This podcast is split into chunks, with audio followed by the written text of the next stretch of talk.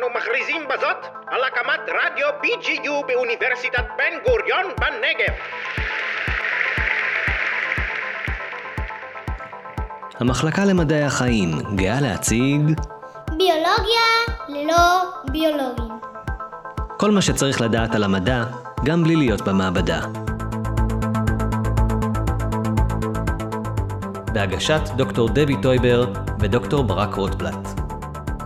אורחים באולפן הילה בן דוד ודניאל שטיין. האזנה נעימה.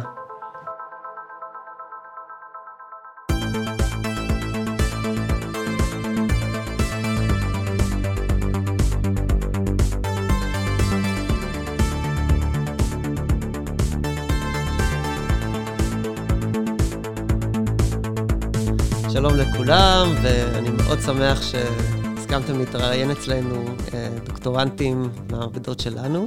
הילה בן דוד מהמעבדה שלי, שלום הילה. שלום ברק, שלום דבי. אתה מציג את זה כאילו הסכמנו, אבל לא חושבת ששאלו אותנו. ודניאל שטיין, אה, מעבדה של דבי. אהלן, אהלן.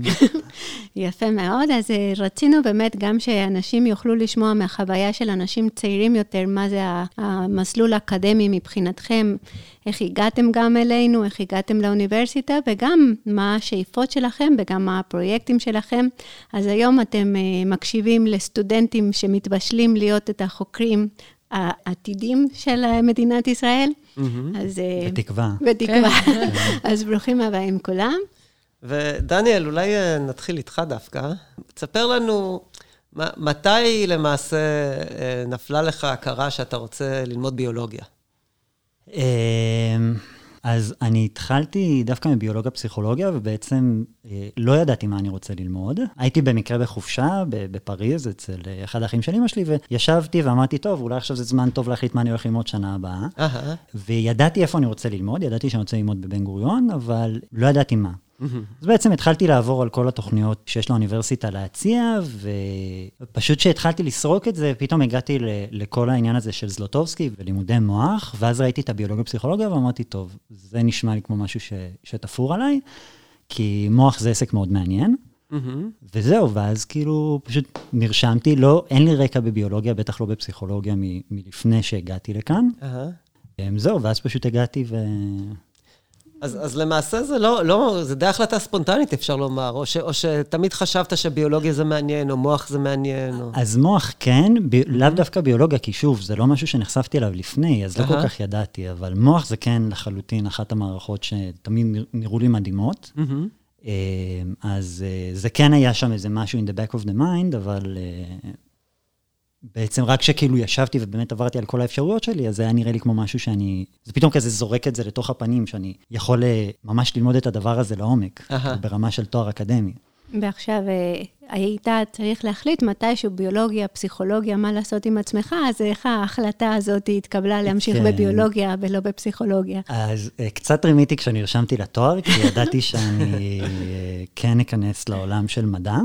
זה, זה גם משהו שהיה לי מאוד ברור, שאני רוצה להישאר באקדמיה ולהישאר במחקר, כי... זה נראה לי משהו שהייתי יכול מאוד לתרום בו. וכשאתה אומר זה נראה לי, זה היה מאז ומעולם, או, או מאז שנרשמת ללימודים? לא, מלפני שנרשמתי ללימודים, לדעתי איפשהו מאחרי השחרור, אולי Aha. קצת לפני, זה היה לי ברור שאני רוצה להיכנס לתוך העולם הזה של מדע.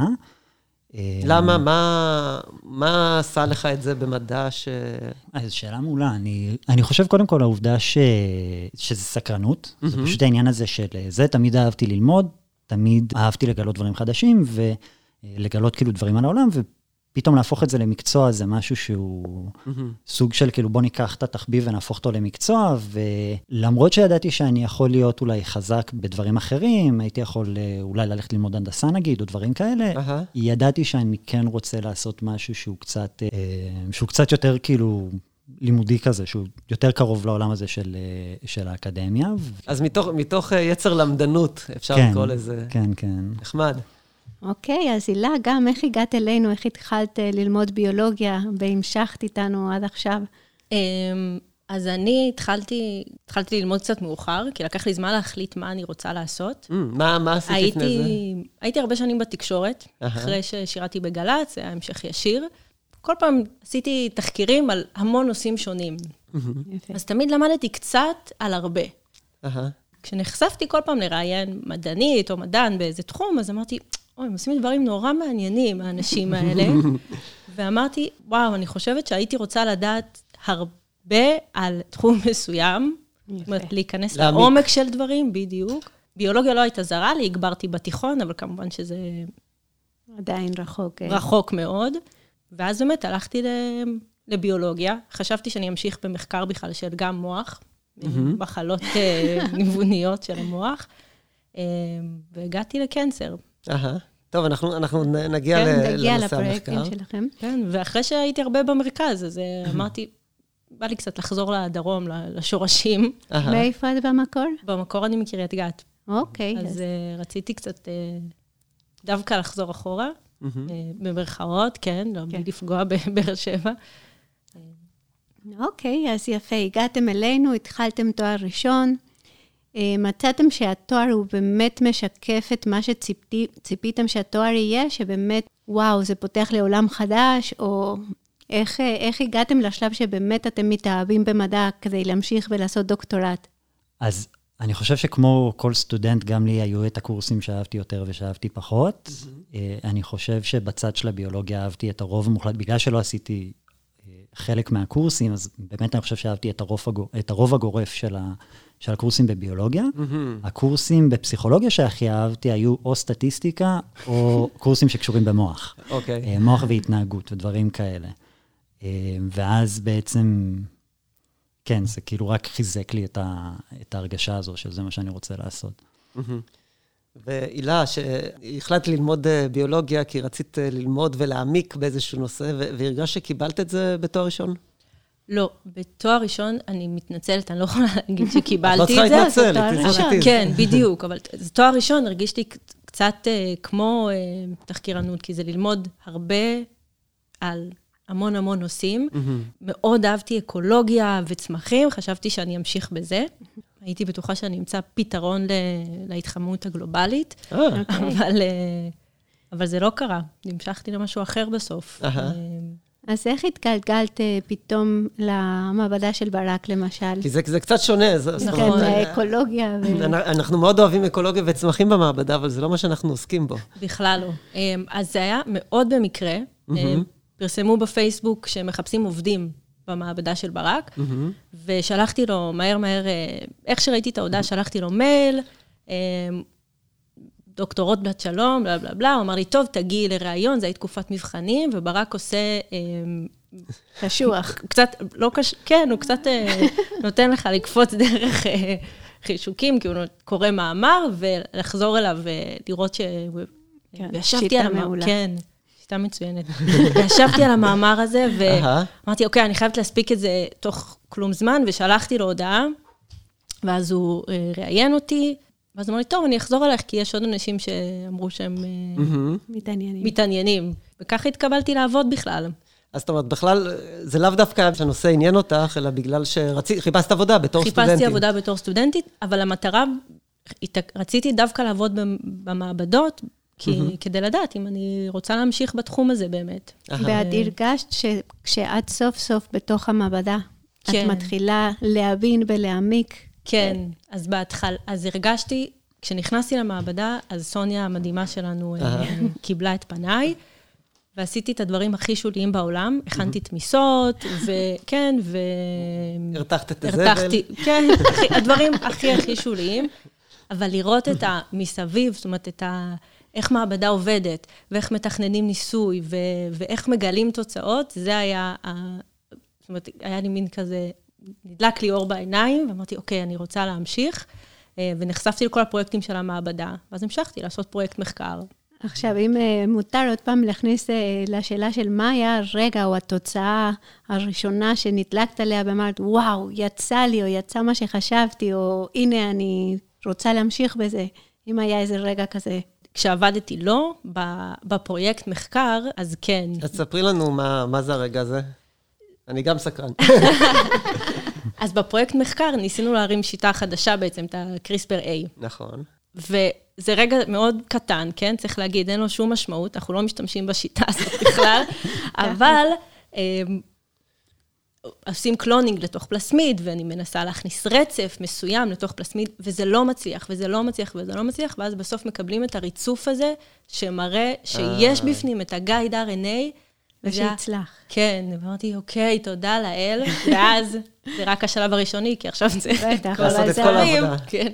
אבל... אבל זה רגע של ניצחון אבל קטן. אבל זה רגע של ניצ... ממש, של ניצחון קטן, ונראה לי שניצחונות הקטנים האלה הם בסוף שעושים את החלק הכיפי בעבודה שלנו. אני, אני חייב לומר שנורא יכול להזדהות עם העניין של cloning, שאתה עושה כל מיני דברים, את כל ההוקוס פוקוס הזה, מעביר כמה, טיפות נוזל מפה לשם, אתה שולח את זה, מישהו מכניס בכלל מישהו אחר במקום אחר, מכניס את זה למכונה, אתה מקבל באימייל את הרצף של ה-DNA, ופתאום אתה רואה שזה שם. שזה- זה די אה, קסם. כן, כל הדברים הקטנים האלה. דבי זה לא עושה הרבה רושם. לא, בטח, אני גם, אה, גם הייתי במעבדה של אה, חרמונה סורק, פרופסור סורק, וגם ה cloning תמיד הוא היה מאוד קשה בהתחלה, אבל שהוא מצליח, ואז פתאום אפשר לשאול שאלות. פתאום יש לי כלי ואני יכולה להתחיל לשאול את השאלות, אז זה רגע מאוד מאוד חשוב.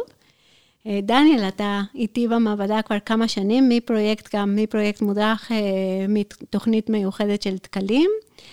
לעכשיו, אז אתה רוצה לספר לנו גם אה, על הרגעים הכי חשובים בקריירה המדעית שלך? אז היו, אני חושב שהיו לי הרבה ניצחונות קטנים, כמו גם הפסדים גדולים לאורך הדרך. נגיע להפסדים. כן, כן. אז uh, אני חושב שהרגע הראשון היה בעצם ה- אחד הניסויים הראשונים ש... שעשיתי במעבדה. למעשה, הניסוי הראשון שעשיתי במעבדה, שעשיתי אותו ביחד עם, עם מיגל, עם הדוקטורנט שהיה אחראי עליי באותה תקופה. ובעצם זה היה QPCR, לא מאוד משנה, של בדיקה של איזשהו גן בשני סוגים של תאים. וגם זה לערבב טיפות ביחד בתוך צלחת שמלאה חורים, כאילו, וזה, הכל נראה ממש, ממש קצת וודו. ואז אחרי שלוש שעות שסיימנו עם הדבר הזה, הרצנו את אותו ניסוי במקביל בעצם, כדי להשוות בין התוצאות. אה, ישבתי עם מיגל, והוא מסתכל על התוצאות ואומר לי, וואו, עשית עבודה, עשית עבודה ממש טובה, עשית עבודה יותר טובה משלי. וואו, יפה. וזה היה... במחמאה ממיגל, שאני אגיד פה שהיה סטודנטים עם ה-OCD שלי, כן, זה ממש זה- מחמאה. זה היה כאילו, וואו, יש לו... לי יש ניסיון של בערך שעה, לא יש ניסיון של אה, שלוש שנים, ארבע שנים, משהו כזה, ואני אשכרה הצלחתי לעשות את זה. זה היה, זה היה הרגשה מדהימה. זהו, אני חושב שלאורך הדרך, אה, כן, היו לא מעט כאלה, שזה כזה משהו שמרגיש שהוא באמת, יש פה כל כך הרבה דברים שיכולים להשתבש, ואז בסוף הניסוי כל כך, אה, התוצאה כל כך חזקה, שהיא מצליחה להתגבר על כל הבלגן שעשיתי בדרך, ו... כי אני חושב שזה זה מדהים. זה מאוד משכנע, נכון? ש... שאתה אתה, אתה מודע לכמה דברים יכולים ל, ל, להתבחבש, ומה הסיכוי שבכלל זה יעבוד, ושסוף סוף אתה מקבל את התוצאה, והיא באמת, אה, לפי הפרדיקציה, זה... כן, אני חושב שגם, אה, כאילו, הניצ... יש, את, יש את הניצחון הראשוני הזה, של אוקיי, עשיתי את זה פעם ראשונה וזה עבד, אבל אנחנו כבר למודי ניסיון שזה לא אומר כלום על הפעם השנייה והשלישית והשלוש מאות. זה נכון. ואז זה כאילו, אוקיי, יש, זה עובד, ואז מגיעים לפעם השנייה שזה עובד, ואז זה באמת כאילו, אוקיי, אנחנו פה, אנחנו פה. אנחנו במקום, כן, אפשר להתקדם, כאילו, אפשר להתקדם לפעם השלישית, ואם דברים לא משתבשים, אז זה באמת... אה, אז עכשיו ניכנס טיפה לעומק על מה אתם עושים, מה אתם חוקרים, אם אתם יכולים להסביר לנו במילים מאוד מאוד פשוטות, כי הסטודנטים שלנו לא ביולוגים. אז אה, הילה, אמ, אני בעצם שואלת איך תאי סרטן מצליחים להתמודד עם אמ, אחד האתגרים הגדולים שיש לכל תא, וזה לשמור על הפרוטאוסטזיס של התאים, המשק החלבונים התקין. הרי כל התאים תלויים בחלבונים, הם המכונות הקטנות שפועלות בתוך התא. והחלבונים האלה חייבים להתקפל למצב מאוד ספציפי בשביל שהם יוכלו לעבוד. אמ, ו... ובתאי סרטן שכל הזמן צריכים לי, לעשות אמ, מה שאנחנו קוראים לו חיווט מחדש של, של איך הם מתמודדים עם הסטרסים השונים, עם ההכות השונות, אה, אז הם כל הזמן מבטאים הרבה מאוד, אה, עושים שינוי בביטוי של החלבונים, יותר נכון. והשינוי הזה יכול לגרום לסטרס על המאזן הזה של החלבונים. כן. אמ, אז, אז אני מנסה לשאול שאלות על הדבר הזה, איך הם מצליחים לעשות את זה, אה, ומה הכלים שעומדים לרשותם. עכשיו, את, את עושה את זה ב, ב, במחשב, את עושה ניסויים אה, ב- במבחנה, איך, איך בדיוק אה, את ניגשת לבעיה הזאת? אז כשניגשים לבעיה הזאת, קודם כל צריך אה, למצוא מודל, mm-hmm. או לחפש את המערכת שתתאים לנו. Uh-huh. והמחקר שלי משלב כמה דברים, גם קצת אה, מחשובי, אה, שאני לא עושה אותו, אלא חברי מעבדה אחרים, וגם תכנון של ניסויים, ממש לתכנן על תאים ולראות איך הם מגיבים לסטרסים שונים ושינויים שונים, ואיך הם מתמודדים עם זה. והשאלה הזאת, זה כמובן מה שאת, מה שאת עושה בדוקטורט, והיית אומרת שככל שאת מעמיקה אה, לשאול, אה, זה נעשה יותר מעניין, או שזה נראה לך יותר טריוויאלי, או מה, מה איך היחס שלך לפרויקט הזה? ככל שאני מעמיקה יותר, יש יותר שאלות, אוקיי? זאת אומרת, ככל שאני מעמיקה יותר, אז ככה אני מוצאת את עצמי נתקלת בעוד דברים שצריך לבדוק, ועוד דברים שצריך לשאול עליהם, ועוד ניסויים שצריך לתכנן כדי באמת להגיע לאיזושהי תשובה. כן. אז אני כן רוצה להוסיף פה שבאמת חלק מה... מההתבגרות במחקר זה לעשות פוקוס, כי תמיד במחקר יש מיליון ענפים שאנחנו יכולים uh, ללכת אחריהם, ובתור אנשים סקרנים, אנחנו תמיד, וואי, אפשר לבדוק את זה, וגם את זה, וגם את זה, ואז, אוקיי, אז הזמן לא אינסופי, וצריך uh, לקחת החלטות קשות של לאן אני הולך, כי גם לפעמים ההחלטות הן לא נכונות ויש פרויקטים שנופלים בפח, וגם על זה אנחנו נדבר. Uh, אבל פוקוס זה באמת אחד מהדברים שאנחנו חושבים שהוא מאוד חשוב, גם לסטודנטים לשמוע שיש אינסוף שאלות, אבל נכון. אין, יש uh, זמן אינסופי, זה לא קיים. אה, דניאל, במקרה גם אה, הפרויקט שלך קצת אה, משתלב בפרוטוסטסיס, אבל בבית אחר, אז בוא תספר לנו. כן, האמת שזה מעניין. זה היה מתוכנן? לא. לא. הייתם הקורבנות שלנו. כמו הרבה דברים בסדרת פודקאסטים שלנו, זה לא היה מתוכנן. אז אני מסתכל על הזדקנות בעצם. אנחנו יודעים שבחלוף השנים, אנחנו לא נהיים יותר טובים ברוב הדברים המולקולריים, וכמו שהילה דיברה על פרוטאוסטזיס, אנחנו יודעים שזה באמת אחד התהליכים, היכולת לקפל חלבונים ולהחזיק אותם פעילים כמו שצריך, באמת הולכת ומידרדרת עם השנים. אז למה אנחנו מזדקנים בעצם? שאלת מיליון הדולר, אני חושב, לא? אנחנו יודעים רק איך... יש כמה תשובות מולקולריות. כן, יש, יש לזה כמה, כמה תיאוריות. אני חושב שהראשונה מביניהן דווקא הייתה התיאוריה לגבי הפרוטאוסטזיס. אהם. בעצם מצטברים חלבונים שלא מתקפלים טוב, זה גורם להידרדרות של התא, ואז רואים את כל יתר הדברים, את כל הדברים שמתדרדרים בפרוטאוסטזיס. אהה. היום אה, יש לנו כבר את התיאוריה של ה-DNA damage, שהיא הרבה יותר חזקה, אה, שכבר גם תופסת קצת תאוצה, שבעצם ככל שאנחנו חיים יותר זמן, אנחנו יודעים שהתאים צוברים יותר ויותר נזקים מקריים שנוצרים להם מעצם היותם בעולם. וההצטברות הזו פוגעת בגנים, והפגיעה בגנים גורמת לפגיעה ב, בכל מה שמגיע אחרי. כן. בעצם אפשר לחשוב על זה כמו ספר הוראות שאנחנו מסתכלים עליו, הוא כבר לא כזה מושלם, ואז ברור שכל מה שאני אעשה לפי ההוראות האלה, אני אעשה טיפה פחות טוב. אמ, יש עוד כל מיני תיאוריות, אבל אני חושב שזה... אז, אז אחרי שהסברת לנו למה אנחנו מזדקנים, בוא נחזור רגע לפרויקט שלך. כן, אז, אה, אז שוב, אנחנו יודעים שיש אה, לנו כמה סממנים של הזדקנות, כל מיני תהליכים אה, מולקולריים שמשתבשים, ואחד מהם באמת זה העובדה שאנחנו מאבדים את, ה, את הפרוטאוסטזיס.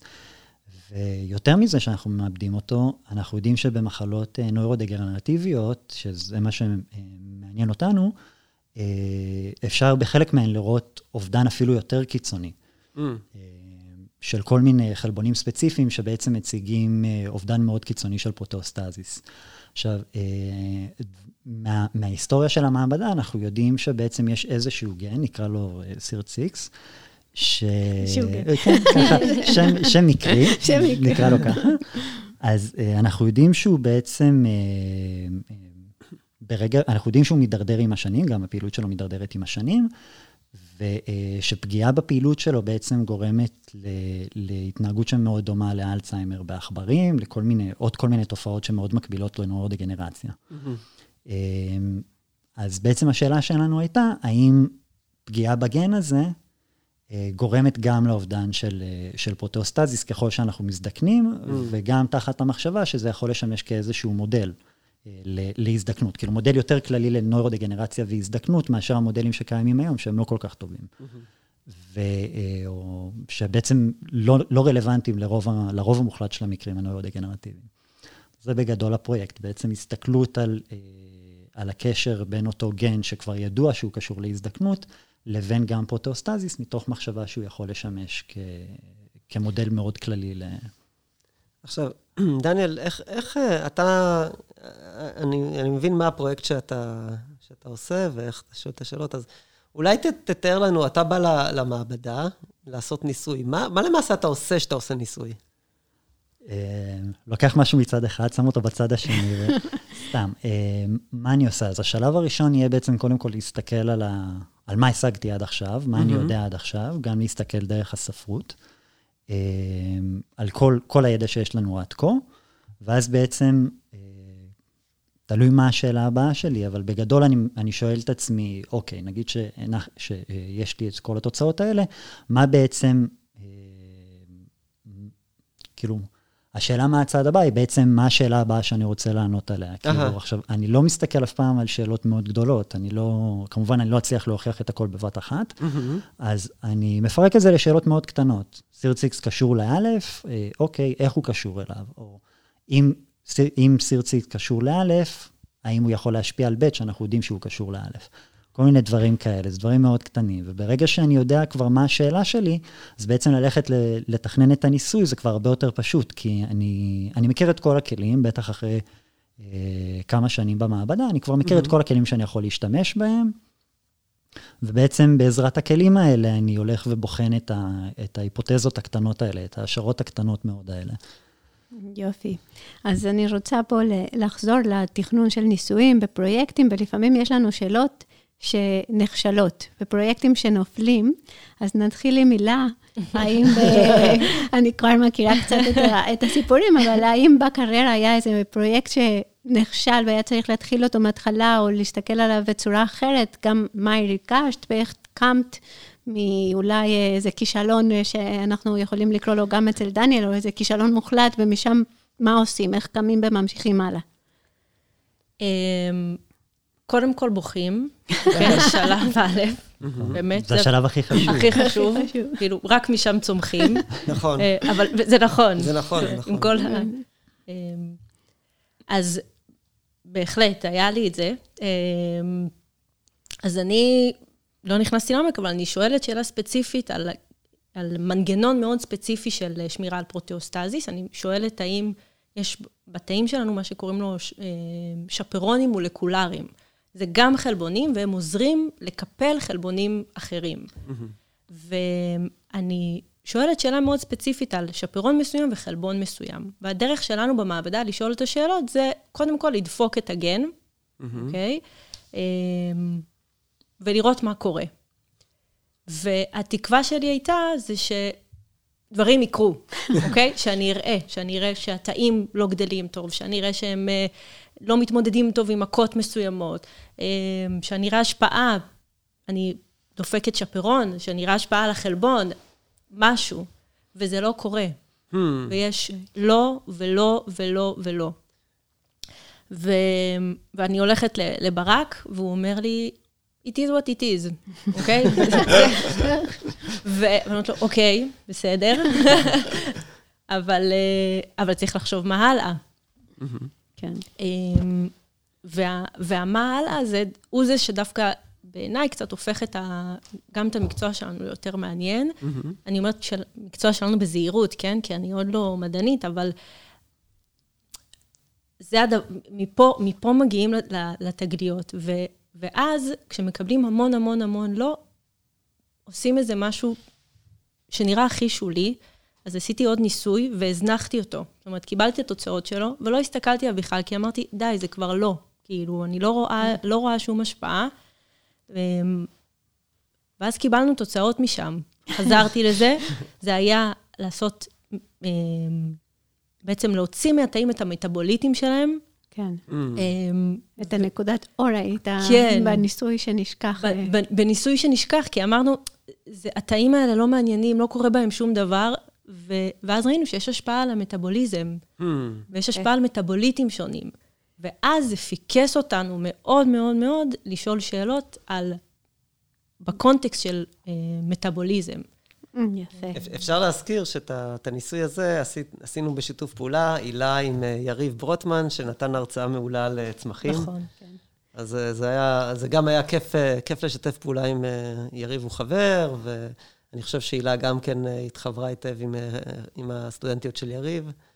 והוא שלח את הדוגמאות שלנו לגרמניה, ובאמת קיבלתי את התוצאות שלך, שבזכותם אה, אנחנו ממשיכים את הפרויקט. נכון. אבל אני גם מאמינה שבגלל הסקרנות שלך, אז אם זה לא היה זה, היה משהו אחר. היית מוצאת את האור באיזשהו מקום, אבל אה, זה היה ניסוי ספציפי הזה, וזה קורה, אבל לפעמים אנחנו צריכים רק איזה סימן שיש כיוון. משהו, כן. צריך את ה... את ה hook הקטן הזה. כן, של הנה, אז יש, יש פה משהו. דניאל, גם לך היו סיפורים של פרויקטים שהיו צריכים uh, להיסגר.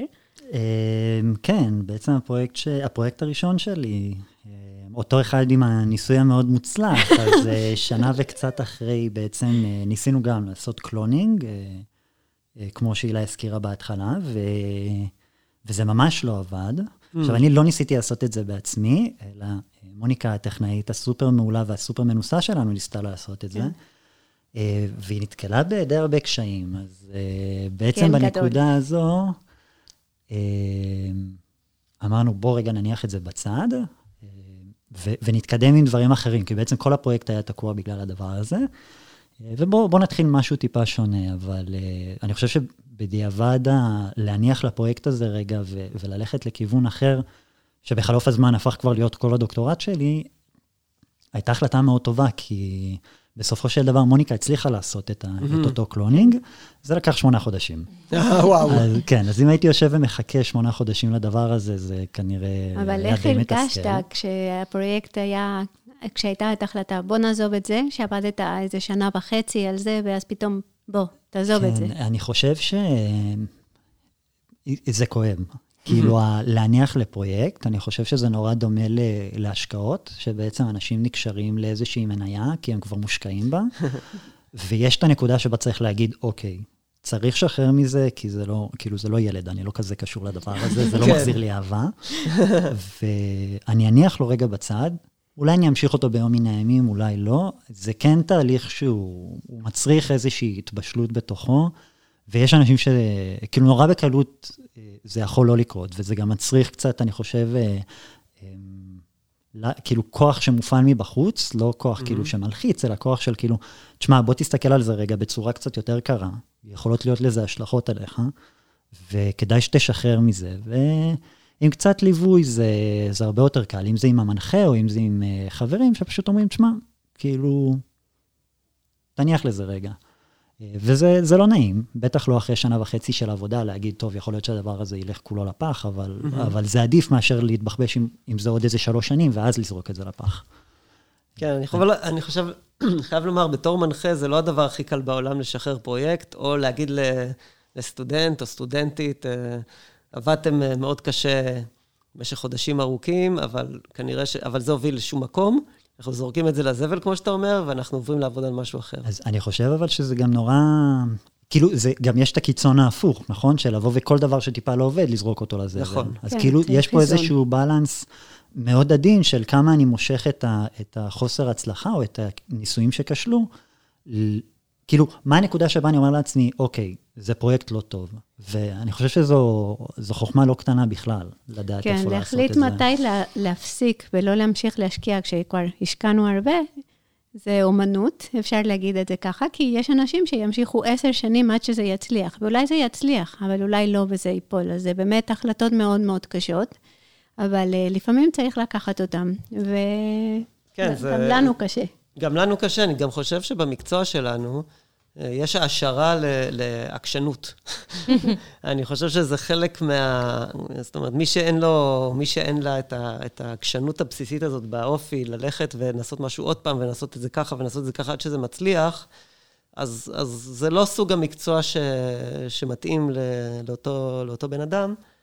ובהיותנו עקשניים ובהיותנו אנשים שנוטים, אה, אם נתקלים במכשול, לנסות להתגבר עליו, גם אם זה אומר לדפוק את הראש במכשול הזה עד שהוא יישבר.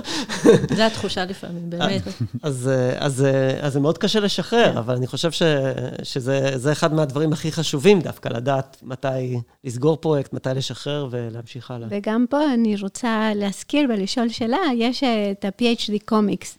שאני לא יודעת אם אתם מכירים, הרבה אנשים מכירים, ויש את העקומה של זמן כמול הרצון לעזוב ולנטוש את הדוקטורט, והסיכוי שזה באמת יקרה, ותמיד אה, בתור אה, דוקטורנטים, פוסט-דוקים, בכל שלב הקריירה, תמיד יש את הרגע הזה שאומר, לא, זה לא בשבילי, אני עוזב את הכל. אז האם חוויתם את זה? הרגע הזה זה בבוקר. אני שואלת את עצמי הרבה. אבל אז, אבל אז אני אומרת, אוקיי, אז אם לא תעשי זה, מה תעשי? וזהו, ואין... Mm, אבל זה הדבר היחיד שזה מחזיק אותך? אה, אה, לא, לא, לא, ברור שלא. אז מה מחזיק אותך גם שקשה? אמ, העקשנות הזאת שברק מתאר, וקצת ללכת עם הראש בקיר, כי בסוף, כדי שנקבל תוצאה, גם, לא יודעת, כדי שאני אקבל תוצאה שאני סומכת עליה, זה וואו, לחזור על זה כל כך הרבה פעמים, והרבה פעמים מקבלים לא, לא, לא, לא, לא, ובסוף מקבלים את הכן, כמו שברק תמיד מזכיר לי. וכשמקבלים את הכן הזה, אז ההצלחה הזאת היא שווה המון, כאילו, היא, mm. היא בסוף הדרייב. אמ, והיא רק, כמו שהזכרת, זה רק פתח לשאלה הבאה. אז זה, זה קצת התמכרות כאילו ל...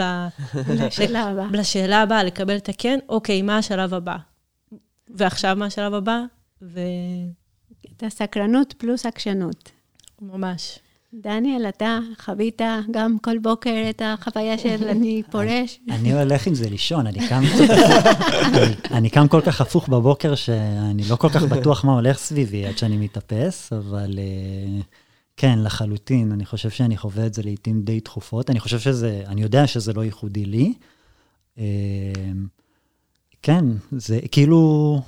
לפעמים דברים נכשלים, גם יש לדברים האלה, לכישלונות יש נטייה לבוא בצרורות. או-אה. נכון. ופתאום דברים שעבדו, היה לי, היה לי ניסוי אה, לפני אה, שנה וחצי, שכל פעם שהייתי עצוב, הייתי הולך אליו. ככה טוב הוא עבד. תמיד הוא עבד, לא משנה מה היה קורה, הייתי הולך עושה אותו, איזה יופי זה עדיין עובד, הפרויקט לא הולך לפח. וניסוי מאוד חשוב בתוך הפרויקט. עברה שנה והוא הפסיק לעבוד. אוי. ואין שום סיבה בעולם שהוא יפסיק לעבוד. אני בדיוק באותה נקודה עם אותם ריאגנטים, עם אותם חומרים, עם אותם תאים, הכל בדיוק אותו דבר. ואז כבר אין לי את הנחמה הקטנה הזו, אבל אני יודע ש... כאילו, אני יודע שאומנם יכול להיות ש... שאני אחשוב לעצמי שאני צריך לפרוש, אבל מצד אחד, מצד שני, אני תמיד משתדל לזכור את זה שגם יש את הרגעים שאני אומר, שאני אומר לעצמי, וואלה, יכול להיות שיצא ממך משהו, ויכול להיות שזה... כאילו, יש פה הרבה תוצאות שהן טובות. Mm-hmm. וגם דבי טורחת להזכיר לי את זה כשאחרי רצף מספיק ארוך של כישלונות, של אוקיי, בוא תפתח שנייה איזה מצגת, אתה רואה את כל זה, יש לך ספקות בכל זה? לא. אוקיי, אז כנראה, ש... כנראה שיש משהו בפרויקט. אז הוא לא הולך לפח. אוקיי, אז... אז אפשר להמשיך. יפה מאוד. אה, אני חושבת שאתם באמת לא לבד בזה, ורק אה, נחמה, אולי, איך אומרים, אה, של... נחמת טיפשים? כן, פשוט בספרדית זה נשמע אחרת. אני אתן לכם עם הביטויים בעברית. צרת רבים, חצי נחמה. כן, אצלנו זה משהו אחר, אבל... אבל לא לרדיו. לא לרדיו. בדיוק. אז הילה, את עושה עכשיו אה, דוקטורט, נכון? עשית תואר ראשון, עשית תואר שני, דוקטורט. את לפעמים חושבת על השלב הבא, מה תעשי אחרי זה? כן. אומרת, אה, מרגע שהחלטתי שאני ממשיכה לתארים מתקדמים, שזה היה עוד בתואר הראשון, אמ, למעשה גם כשנכנסתי לתואר הראשון מההתחלה, היה לי ברור שאני רוצה קריירה באקדמיה, mm. כן, לפני שידעתי מה זה אומר אולי. כן. אמ, ועכשיו אני בדיוק בשלב הזה שחושבים מה הלאה. האם ממשיכים לפוסט-דוקטורט? אמ, במה הספקות שלך? אם את לא ממשיכה לפוסט, למרות שאת מאוד אוהבת מדע, למה זה יהיה? וואו, איזו שאלה טובה. למה לא בעצם? למה לא? כאילו, למה לא להמשיך לפוסט?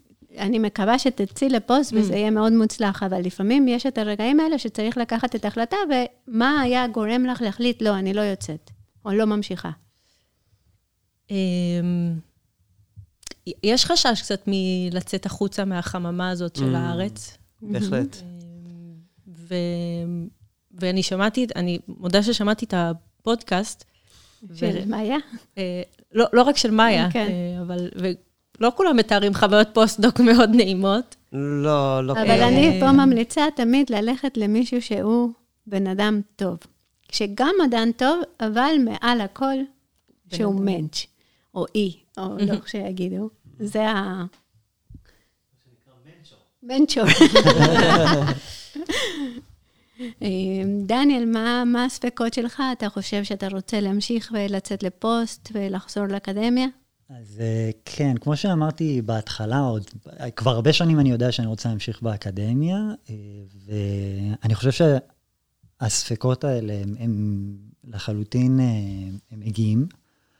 וכמו, בהמשך לשאלה הקודמת, יש בקרים שאני קם ואומר לעצמי, די, זה לא בשבילי, אני לא בנוי לזה. גם, גם אם יכול להיות שאני חוקר טוב, אני פשוט מבחינה נפשית לא בנוי לזה. Mm. אבל uh, אני חושב שכאילו, זה לא עניין של למה לא אצלי, כי אם זה היה למה לא, לא נראה לי שהייתי מחזיק פה. Mm. Uh, שוב, זו סביבה שבה רוב העבודה שלי היא בתכלס להיכשל. כן. לחפש כן. איך אני עושה שמשהו יעבוד. נכון. ו- וזה לא משהו שאפשר לעשות עם גישה של למה לא לדעתי, ואני חושב שזה משהו שמשותף אה, גם להילה וגם ליתר הדוקטורנטים, ובטח ל-PIs, שיש פה משהו מעבר לזה. וזהו, אני חושב שכרגע אני, אני לא יודע מה יוליד מחר, אבל אני יודע שהיום, בנקודת זמן הזו, אני מאוד רוצה להמשיך לפוסט ו- אה, ולקריירה.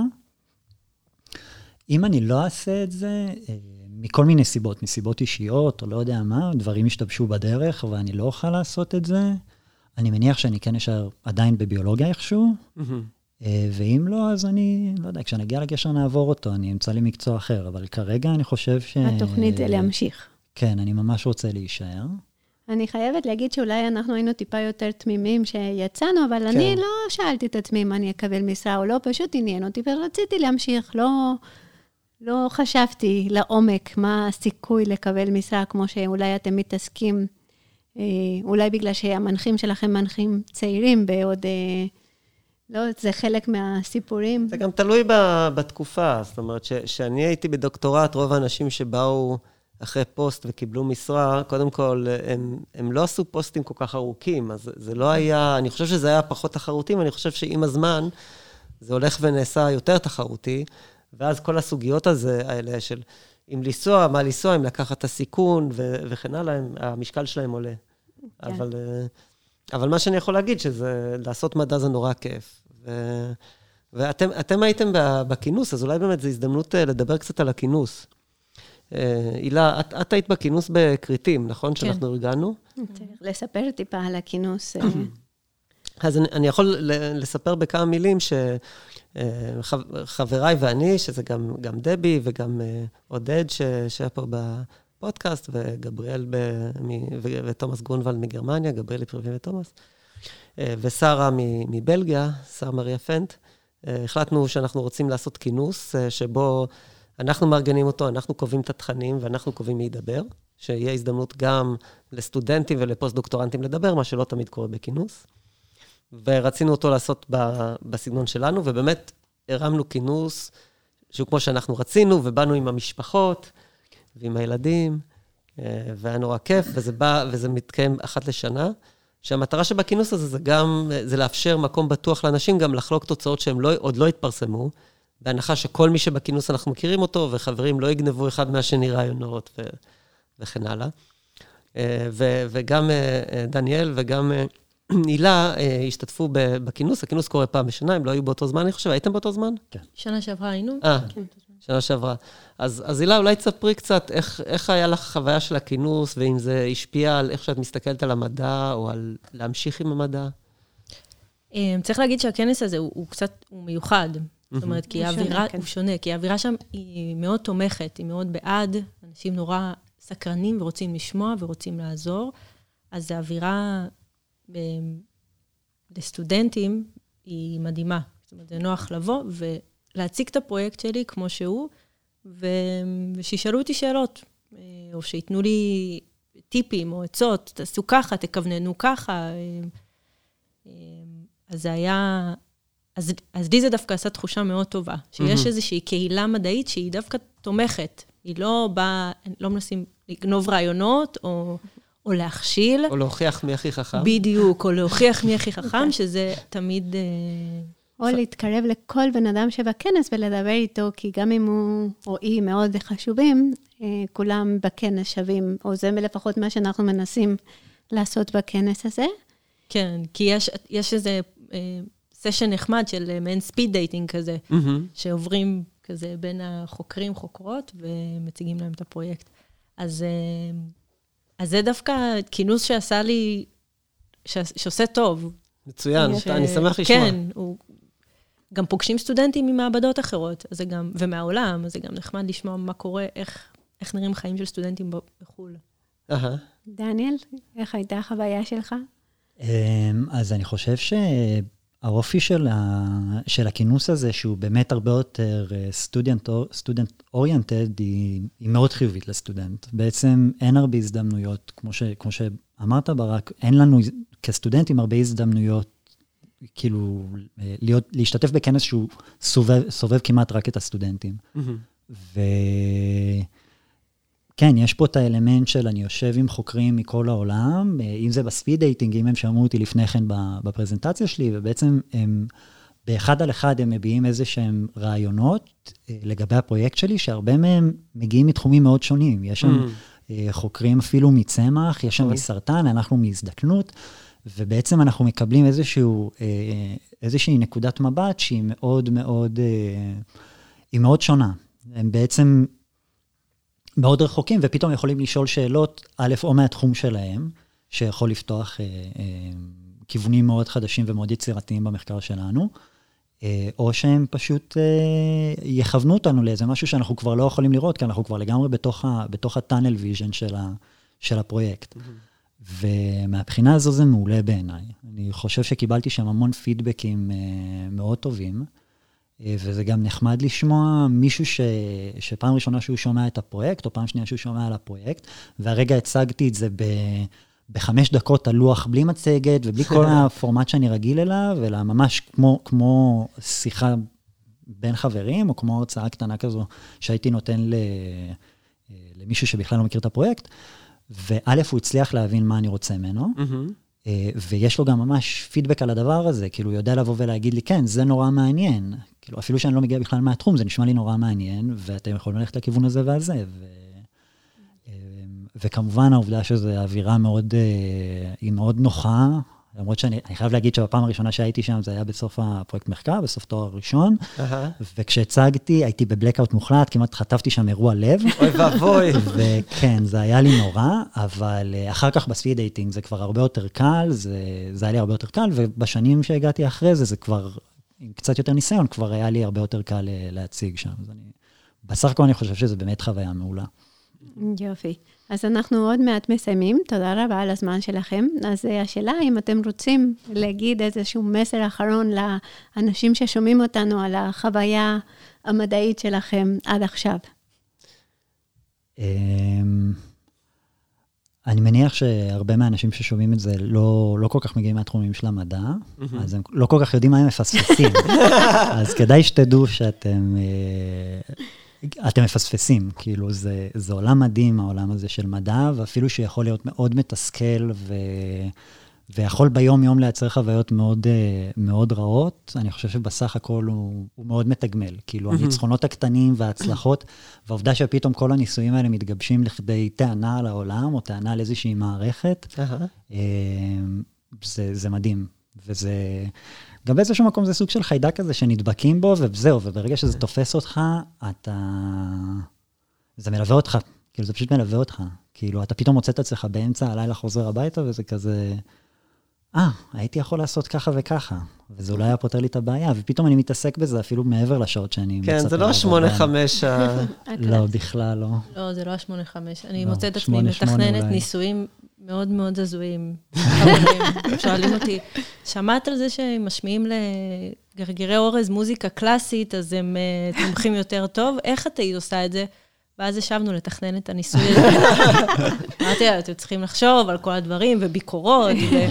תשימו פסטה, כמה סוגים של אורז. כמה סוגים של אורז, ואתה רוצה שזה יהיה במקרר או לא במקרר, ואיפה אתה מאחסן אורז. ופתאום זה נהיה ניסוי ענק. זה נהיה ניסוי ענק. היינו צריכים לפנות את המקרר.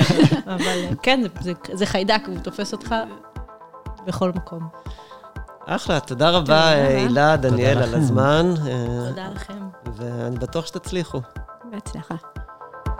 אנו מכריזים בזאת על הקמת רדיו BGU באוניברסיטת בן גוריון בנגב.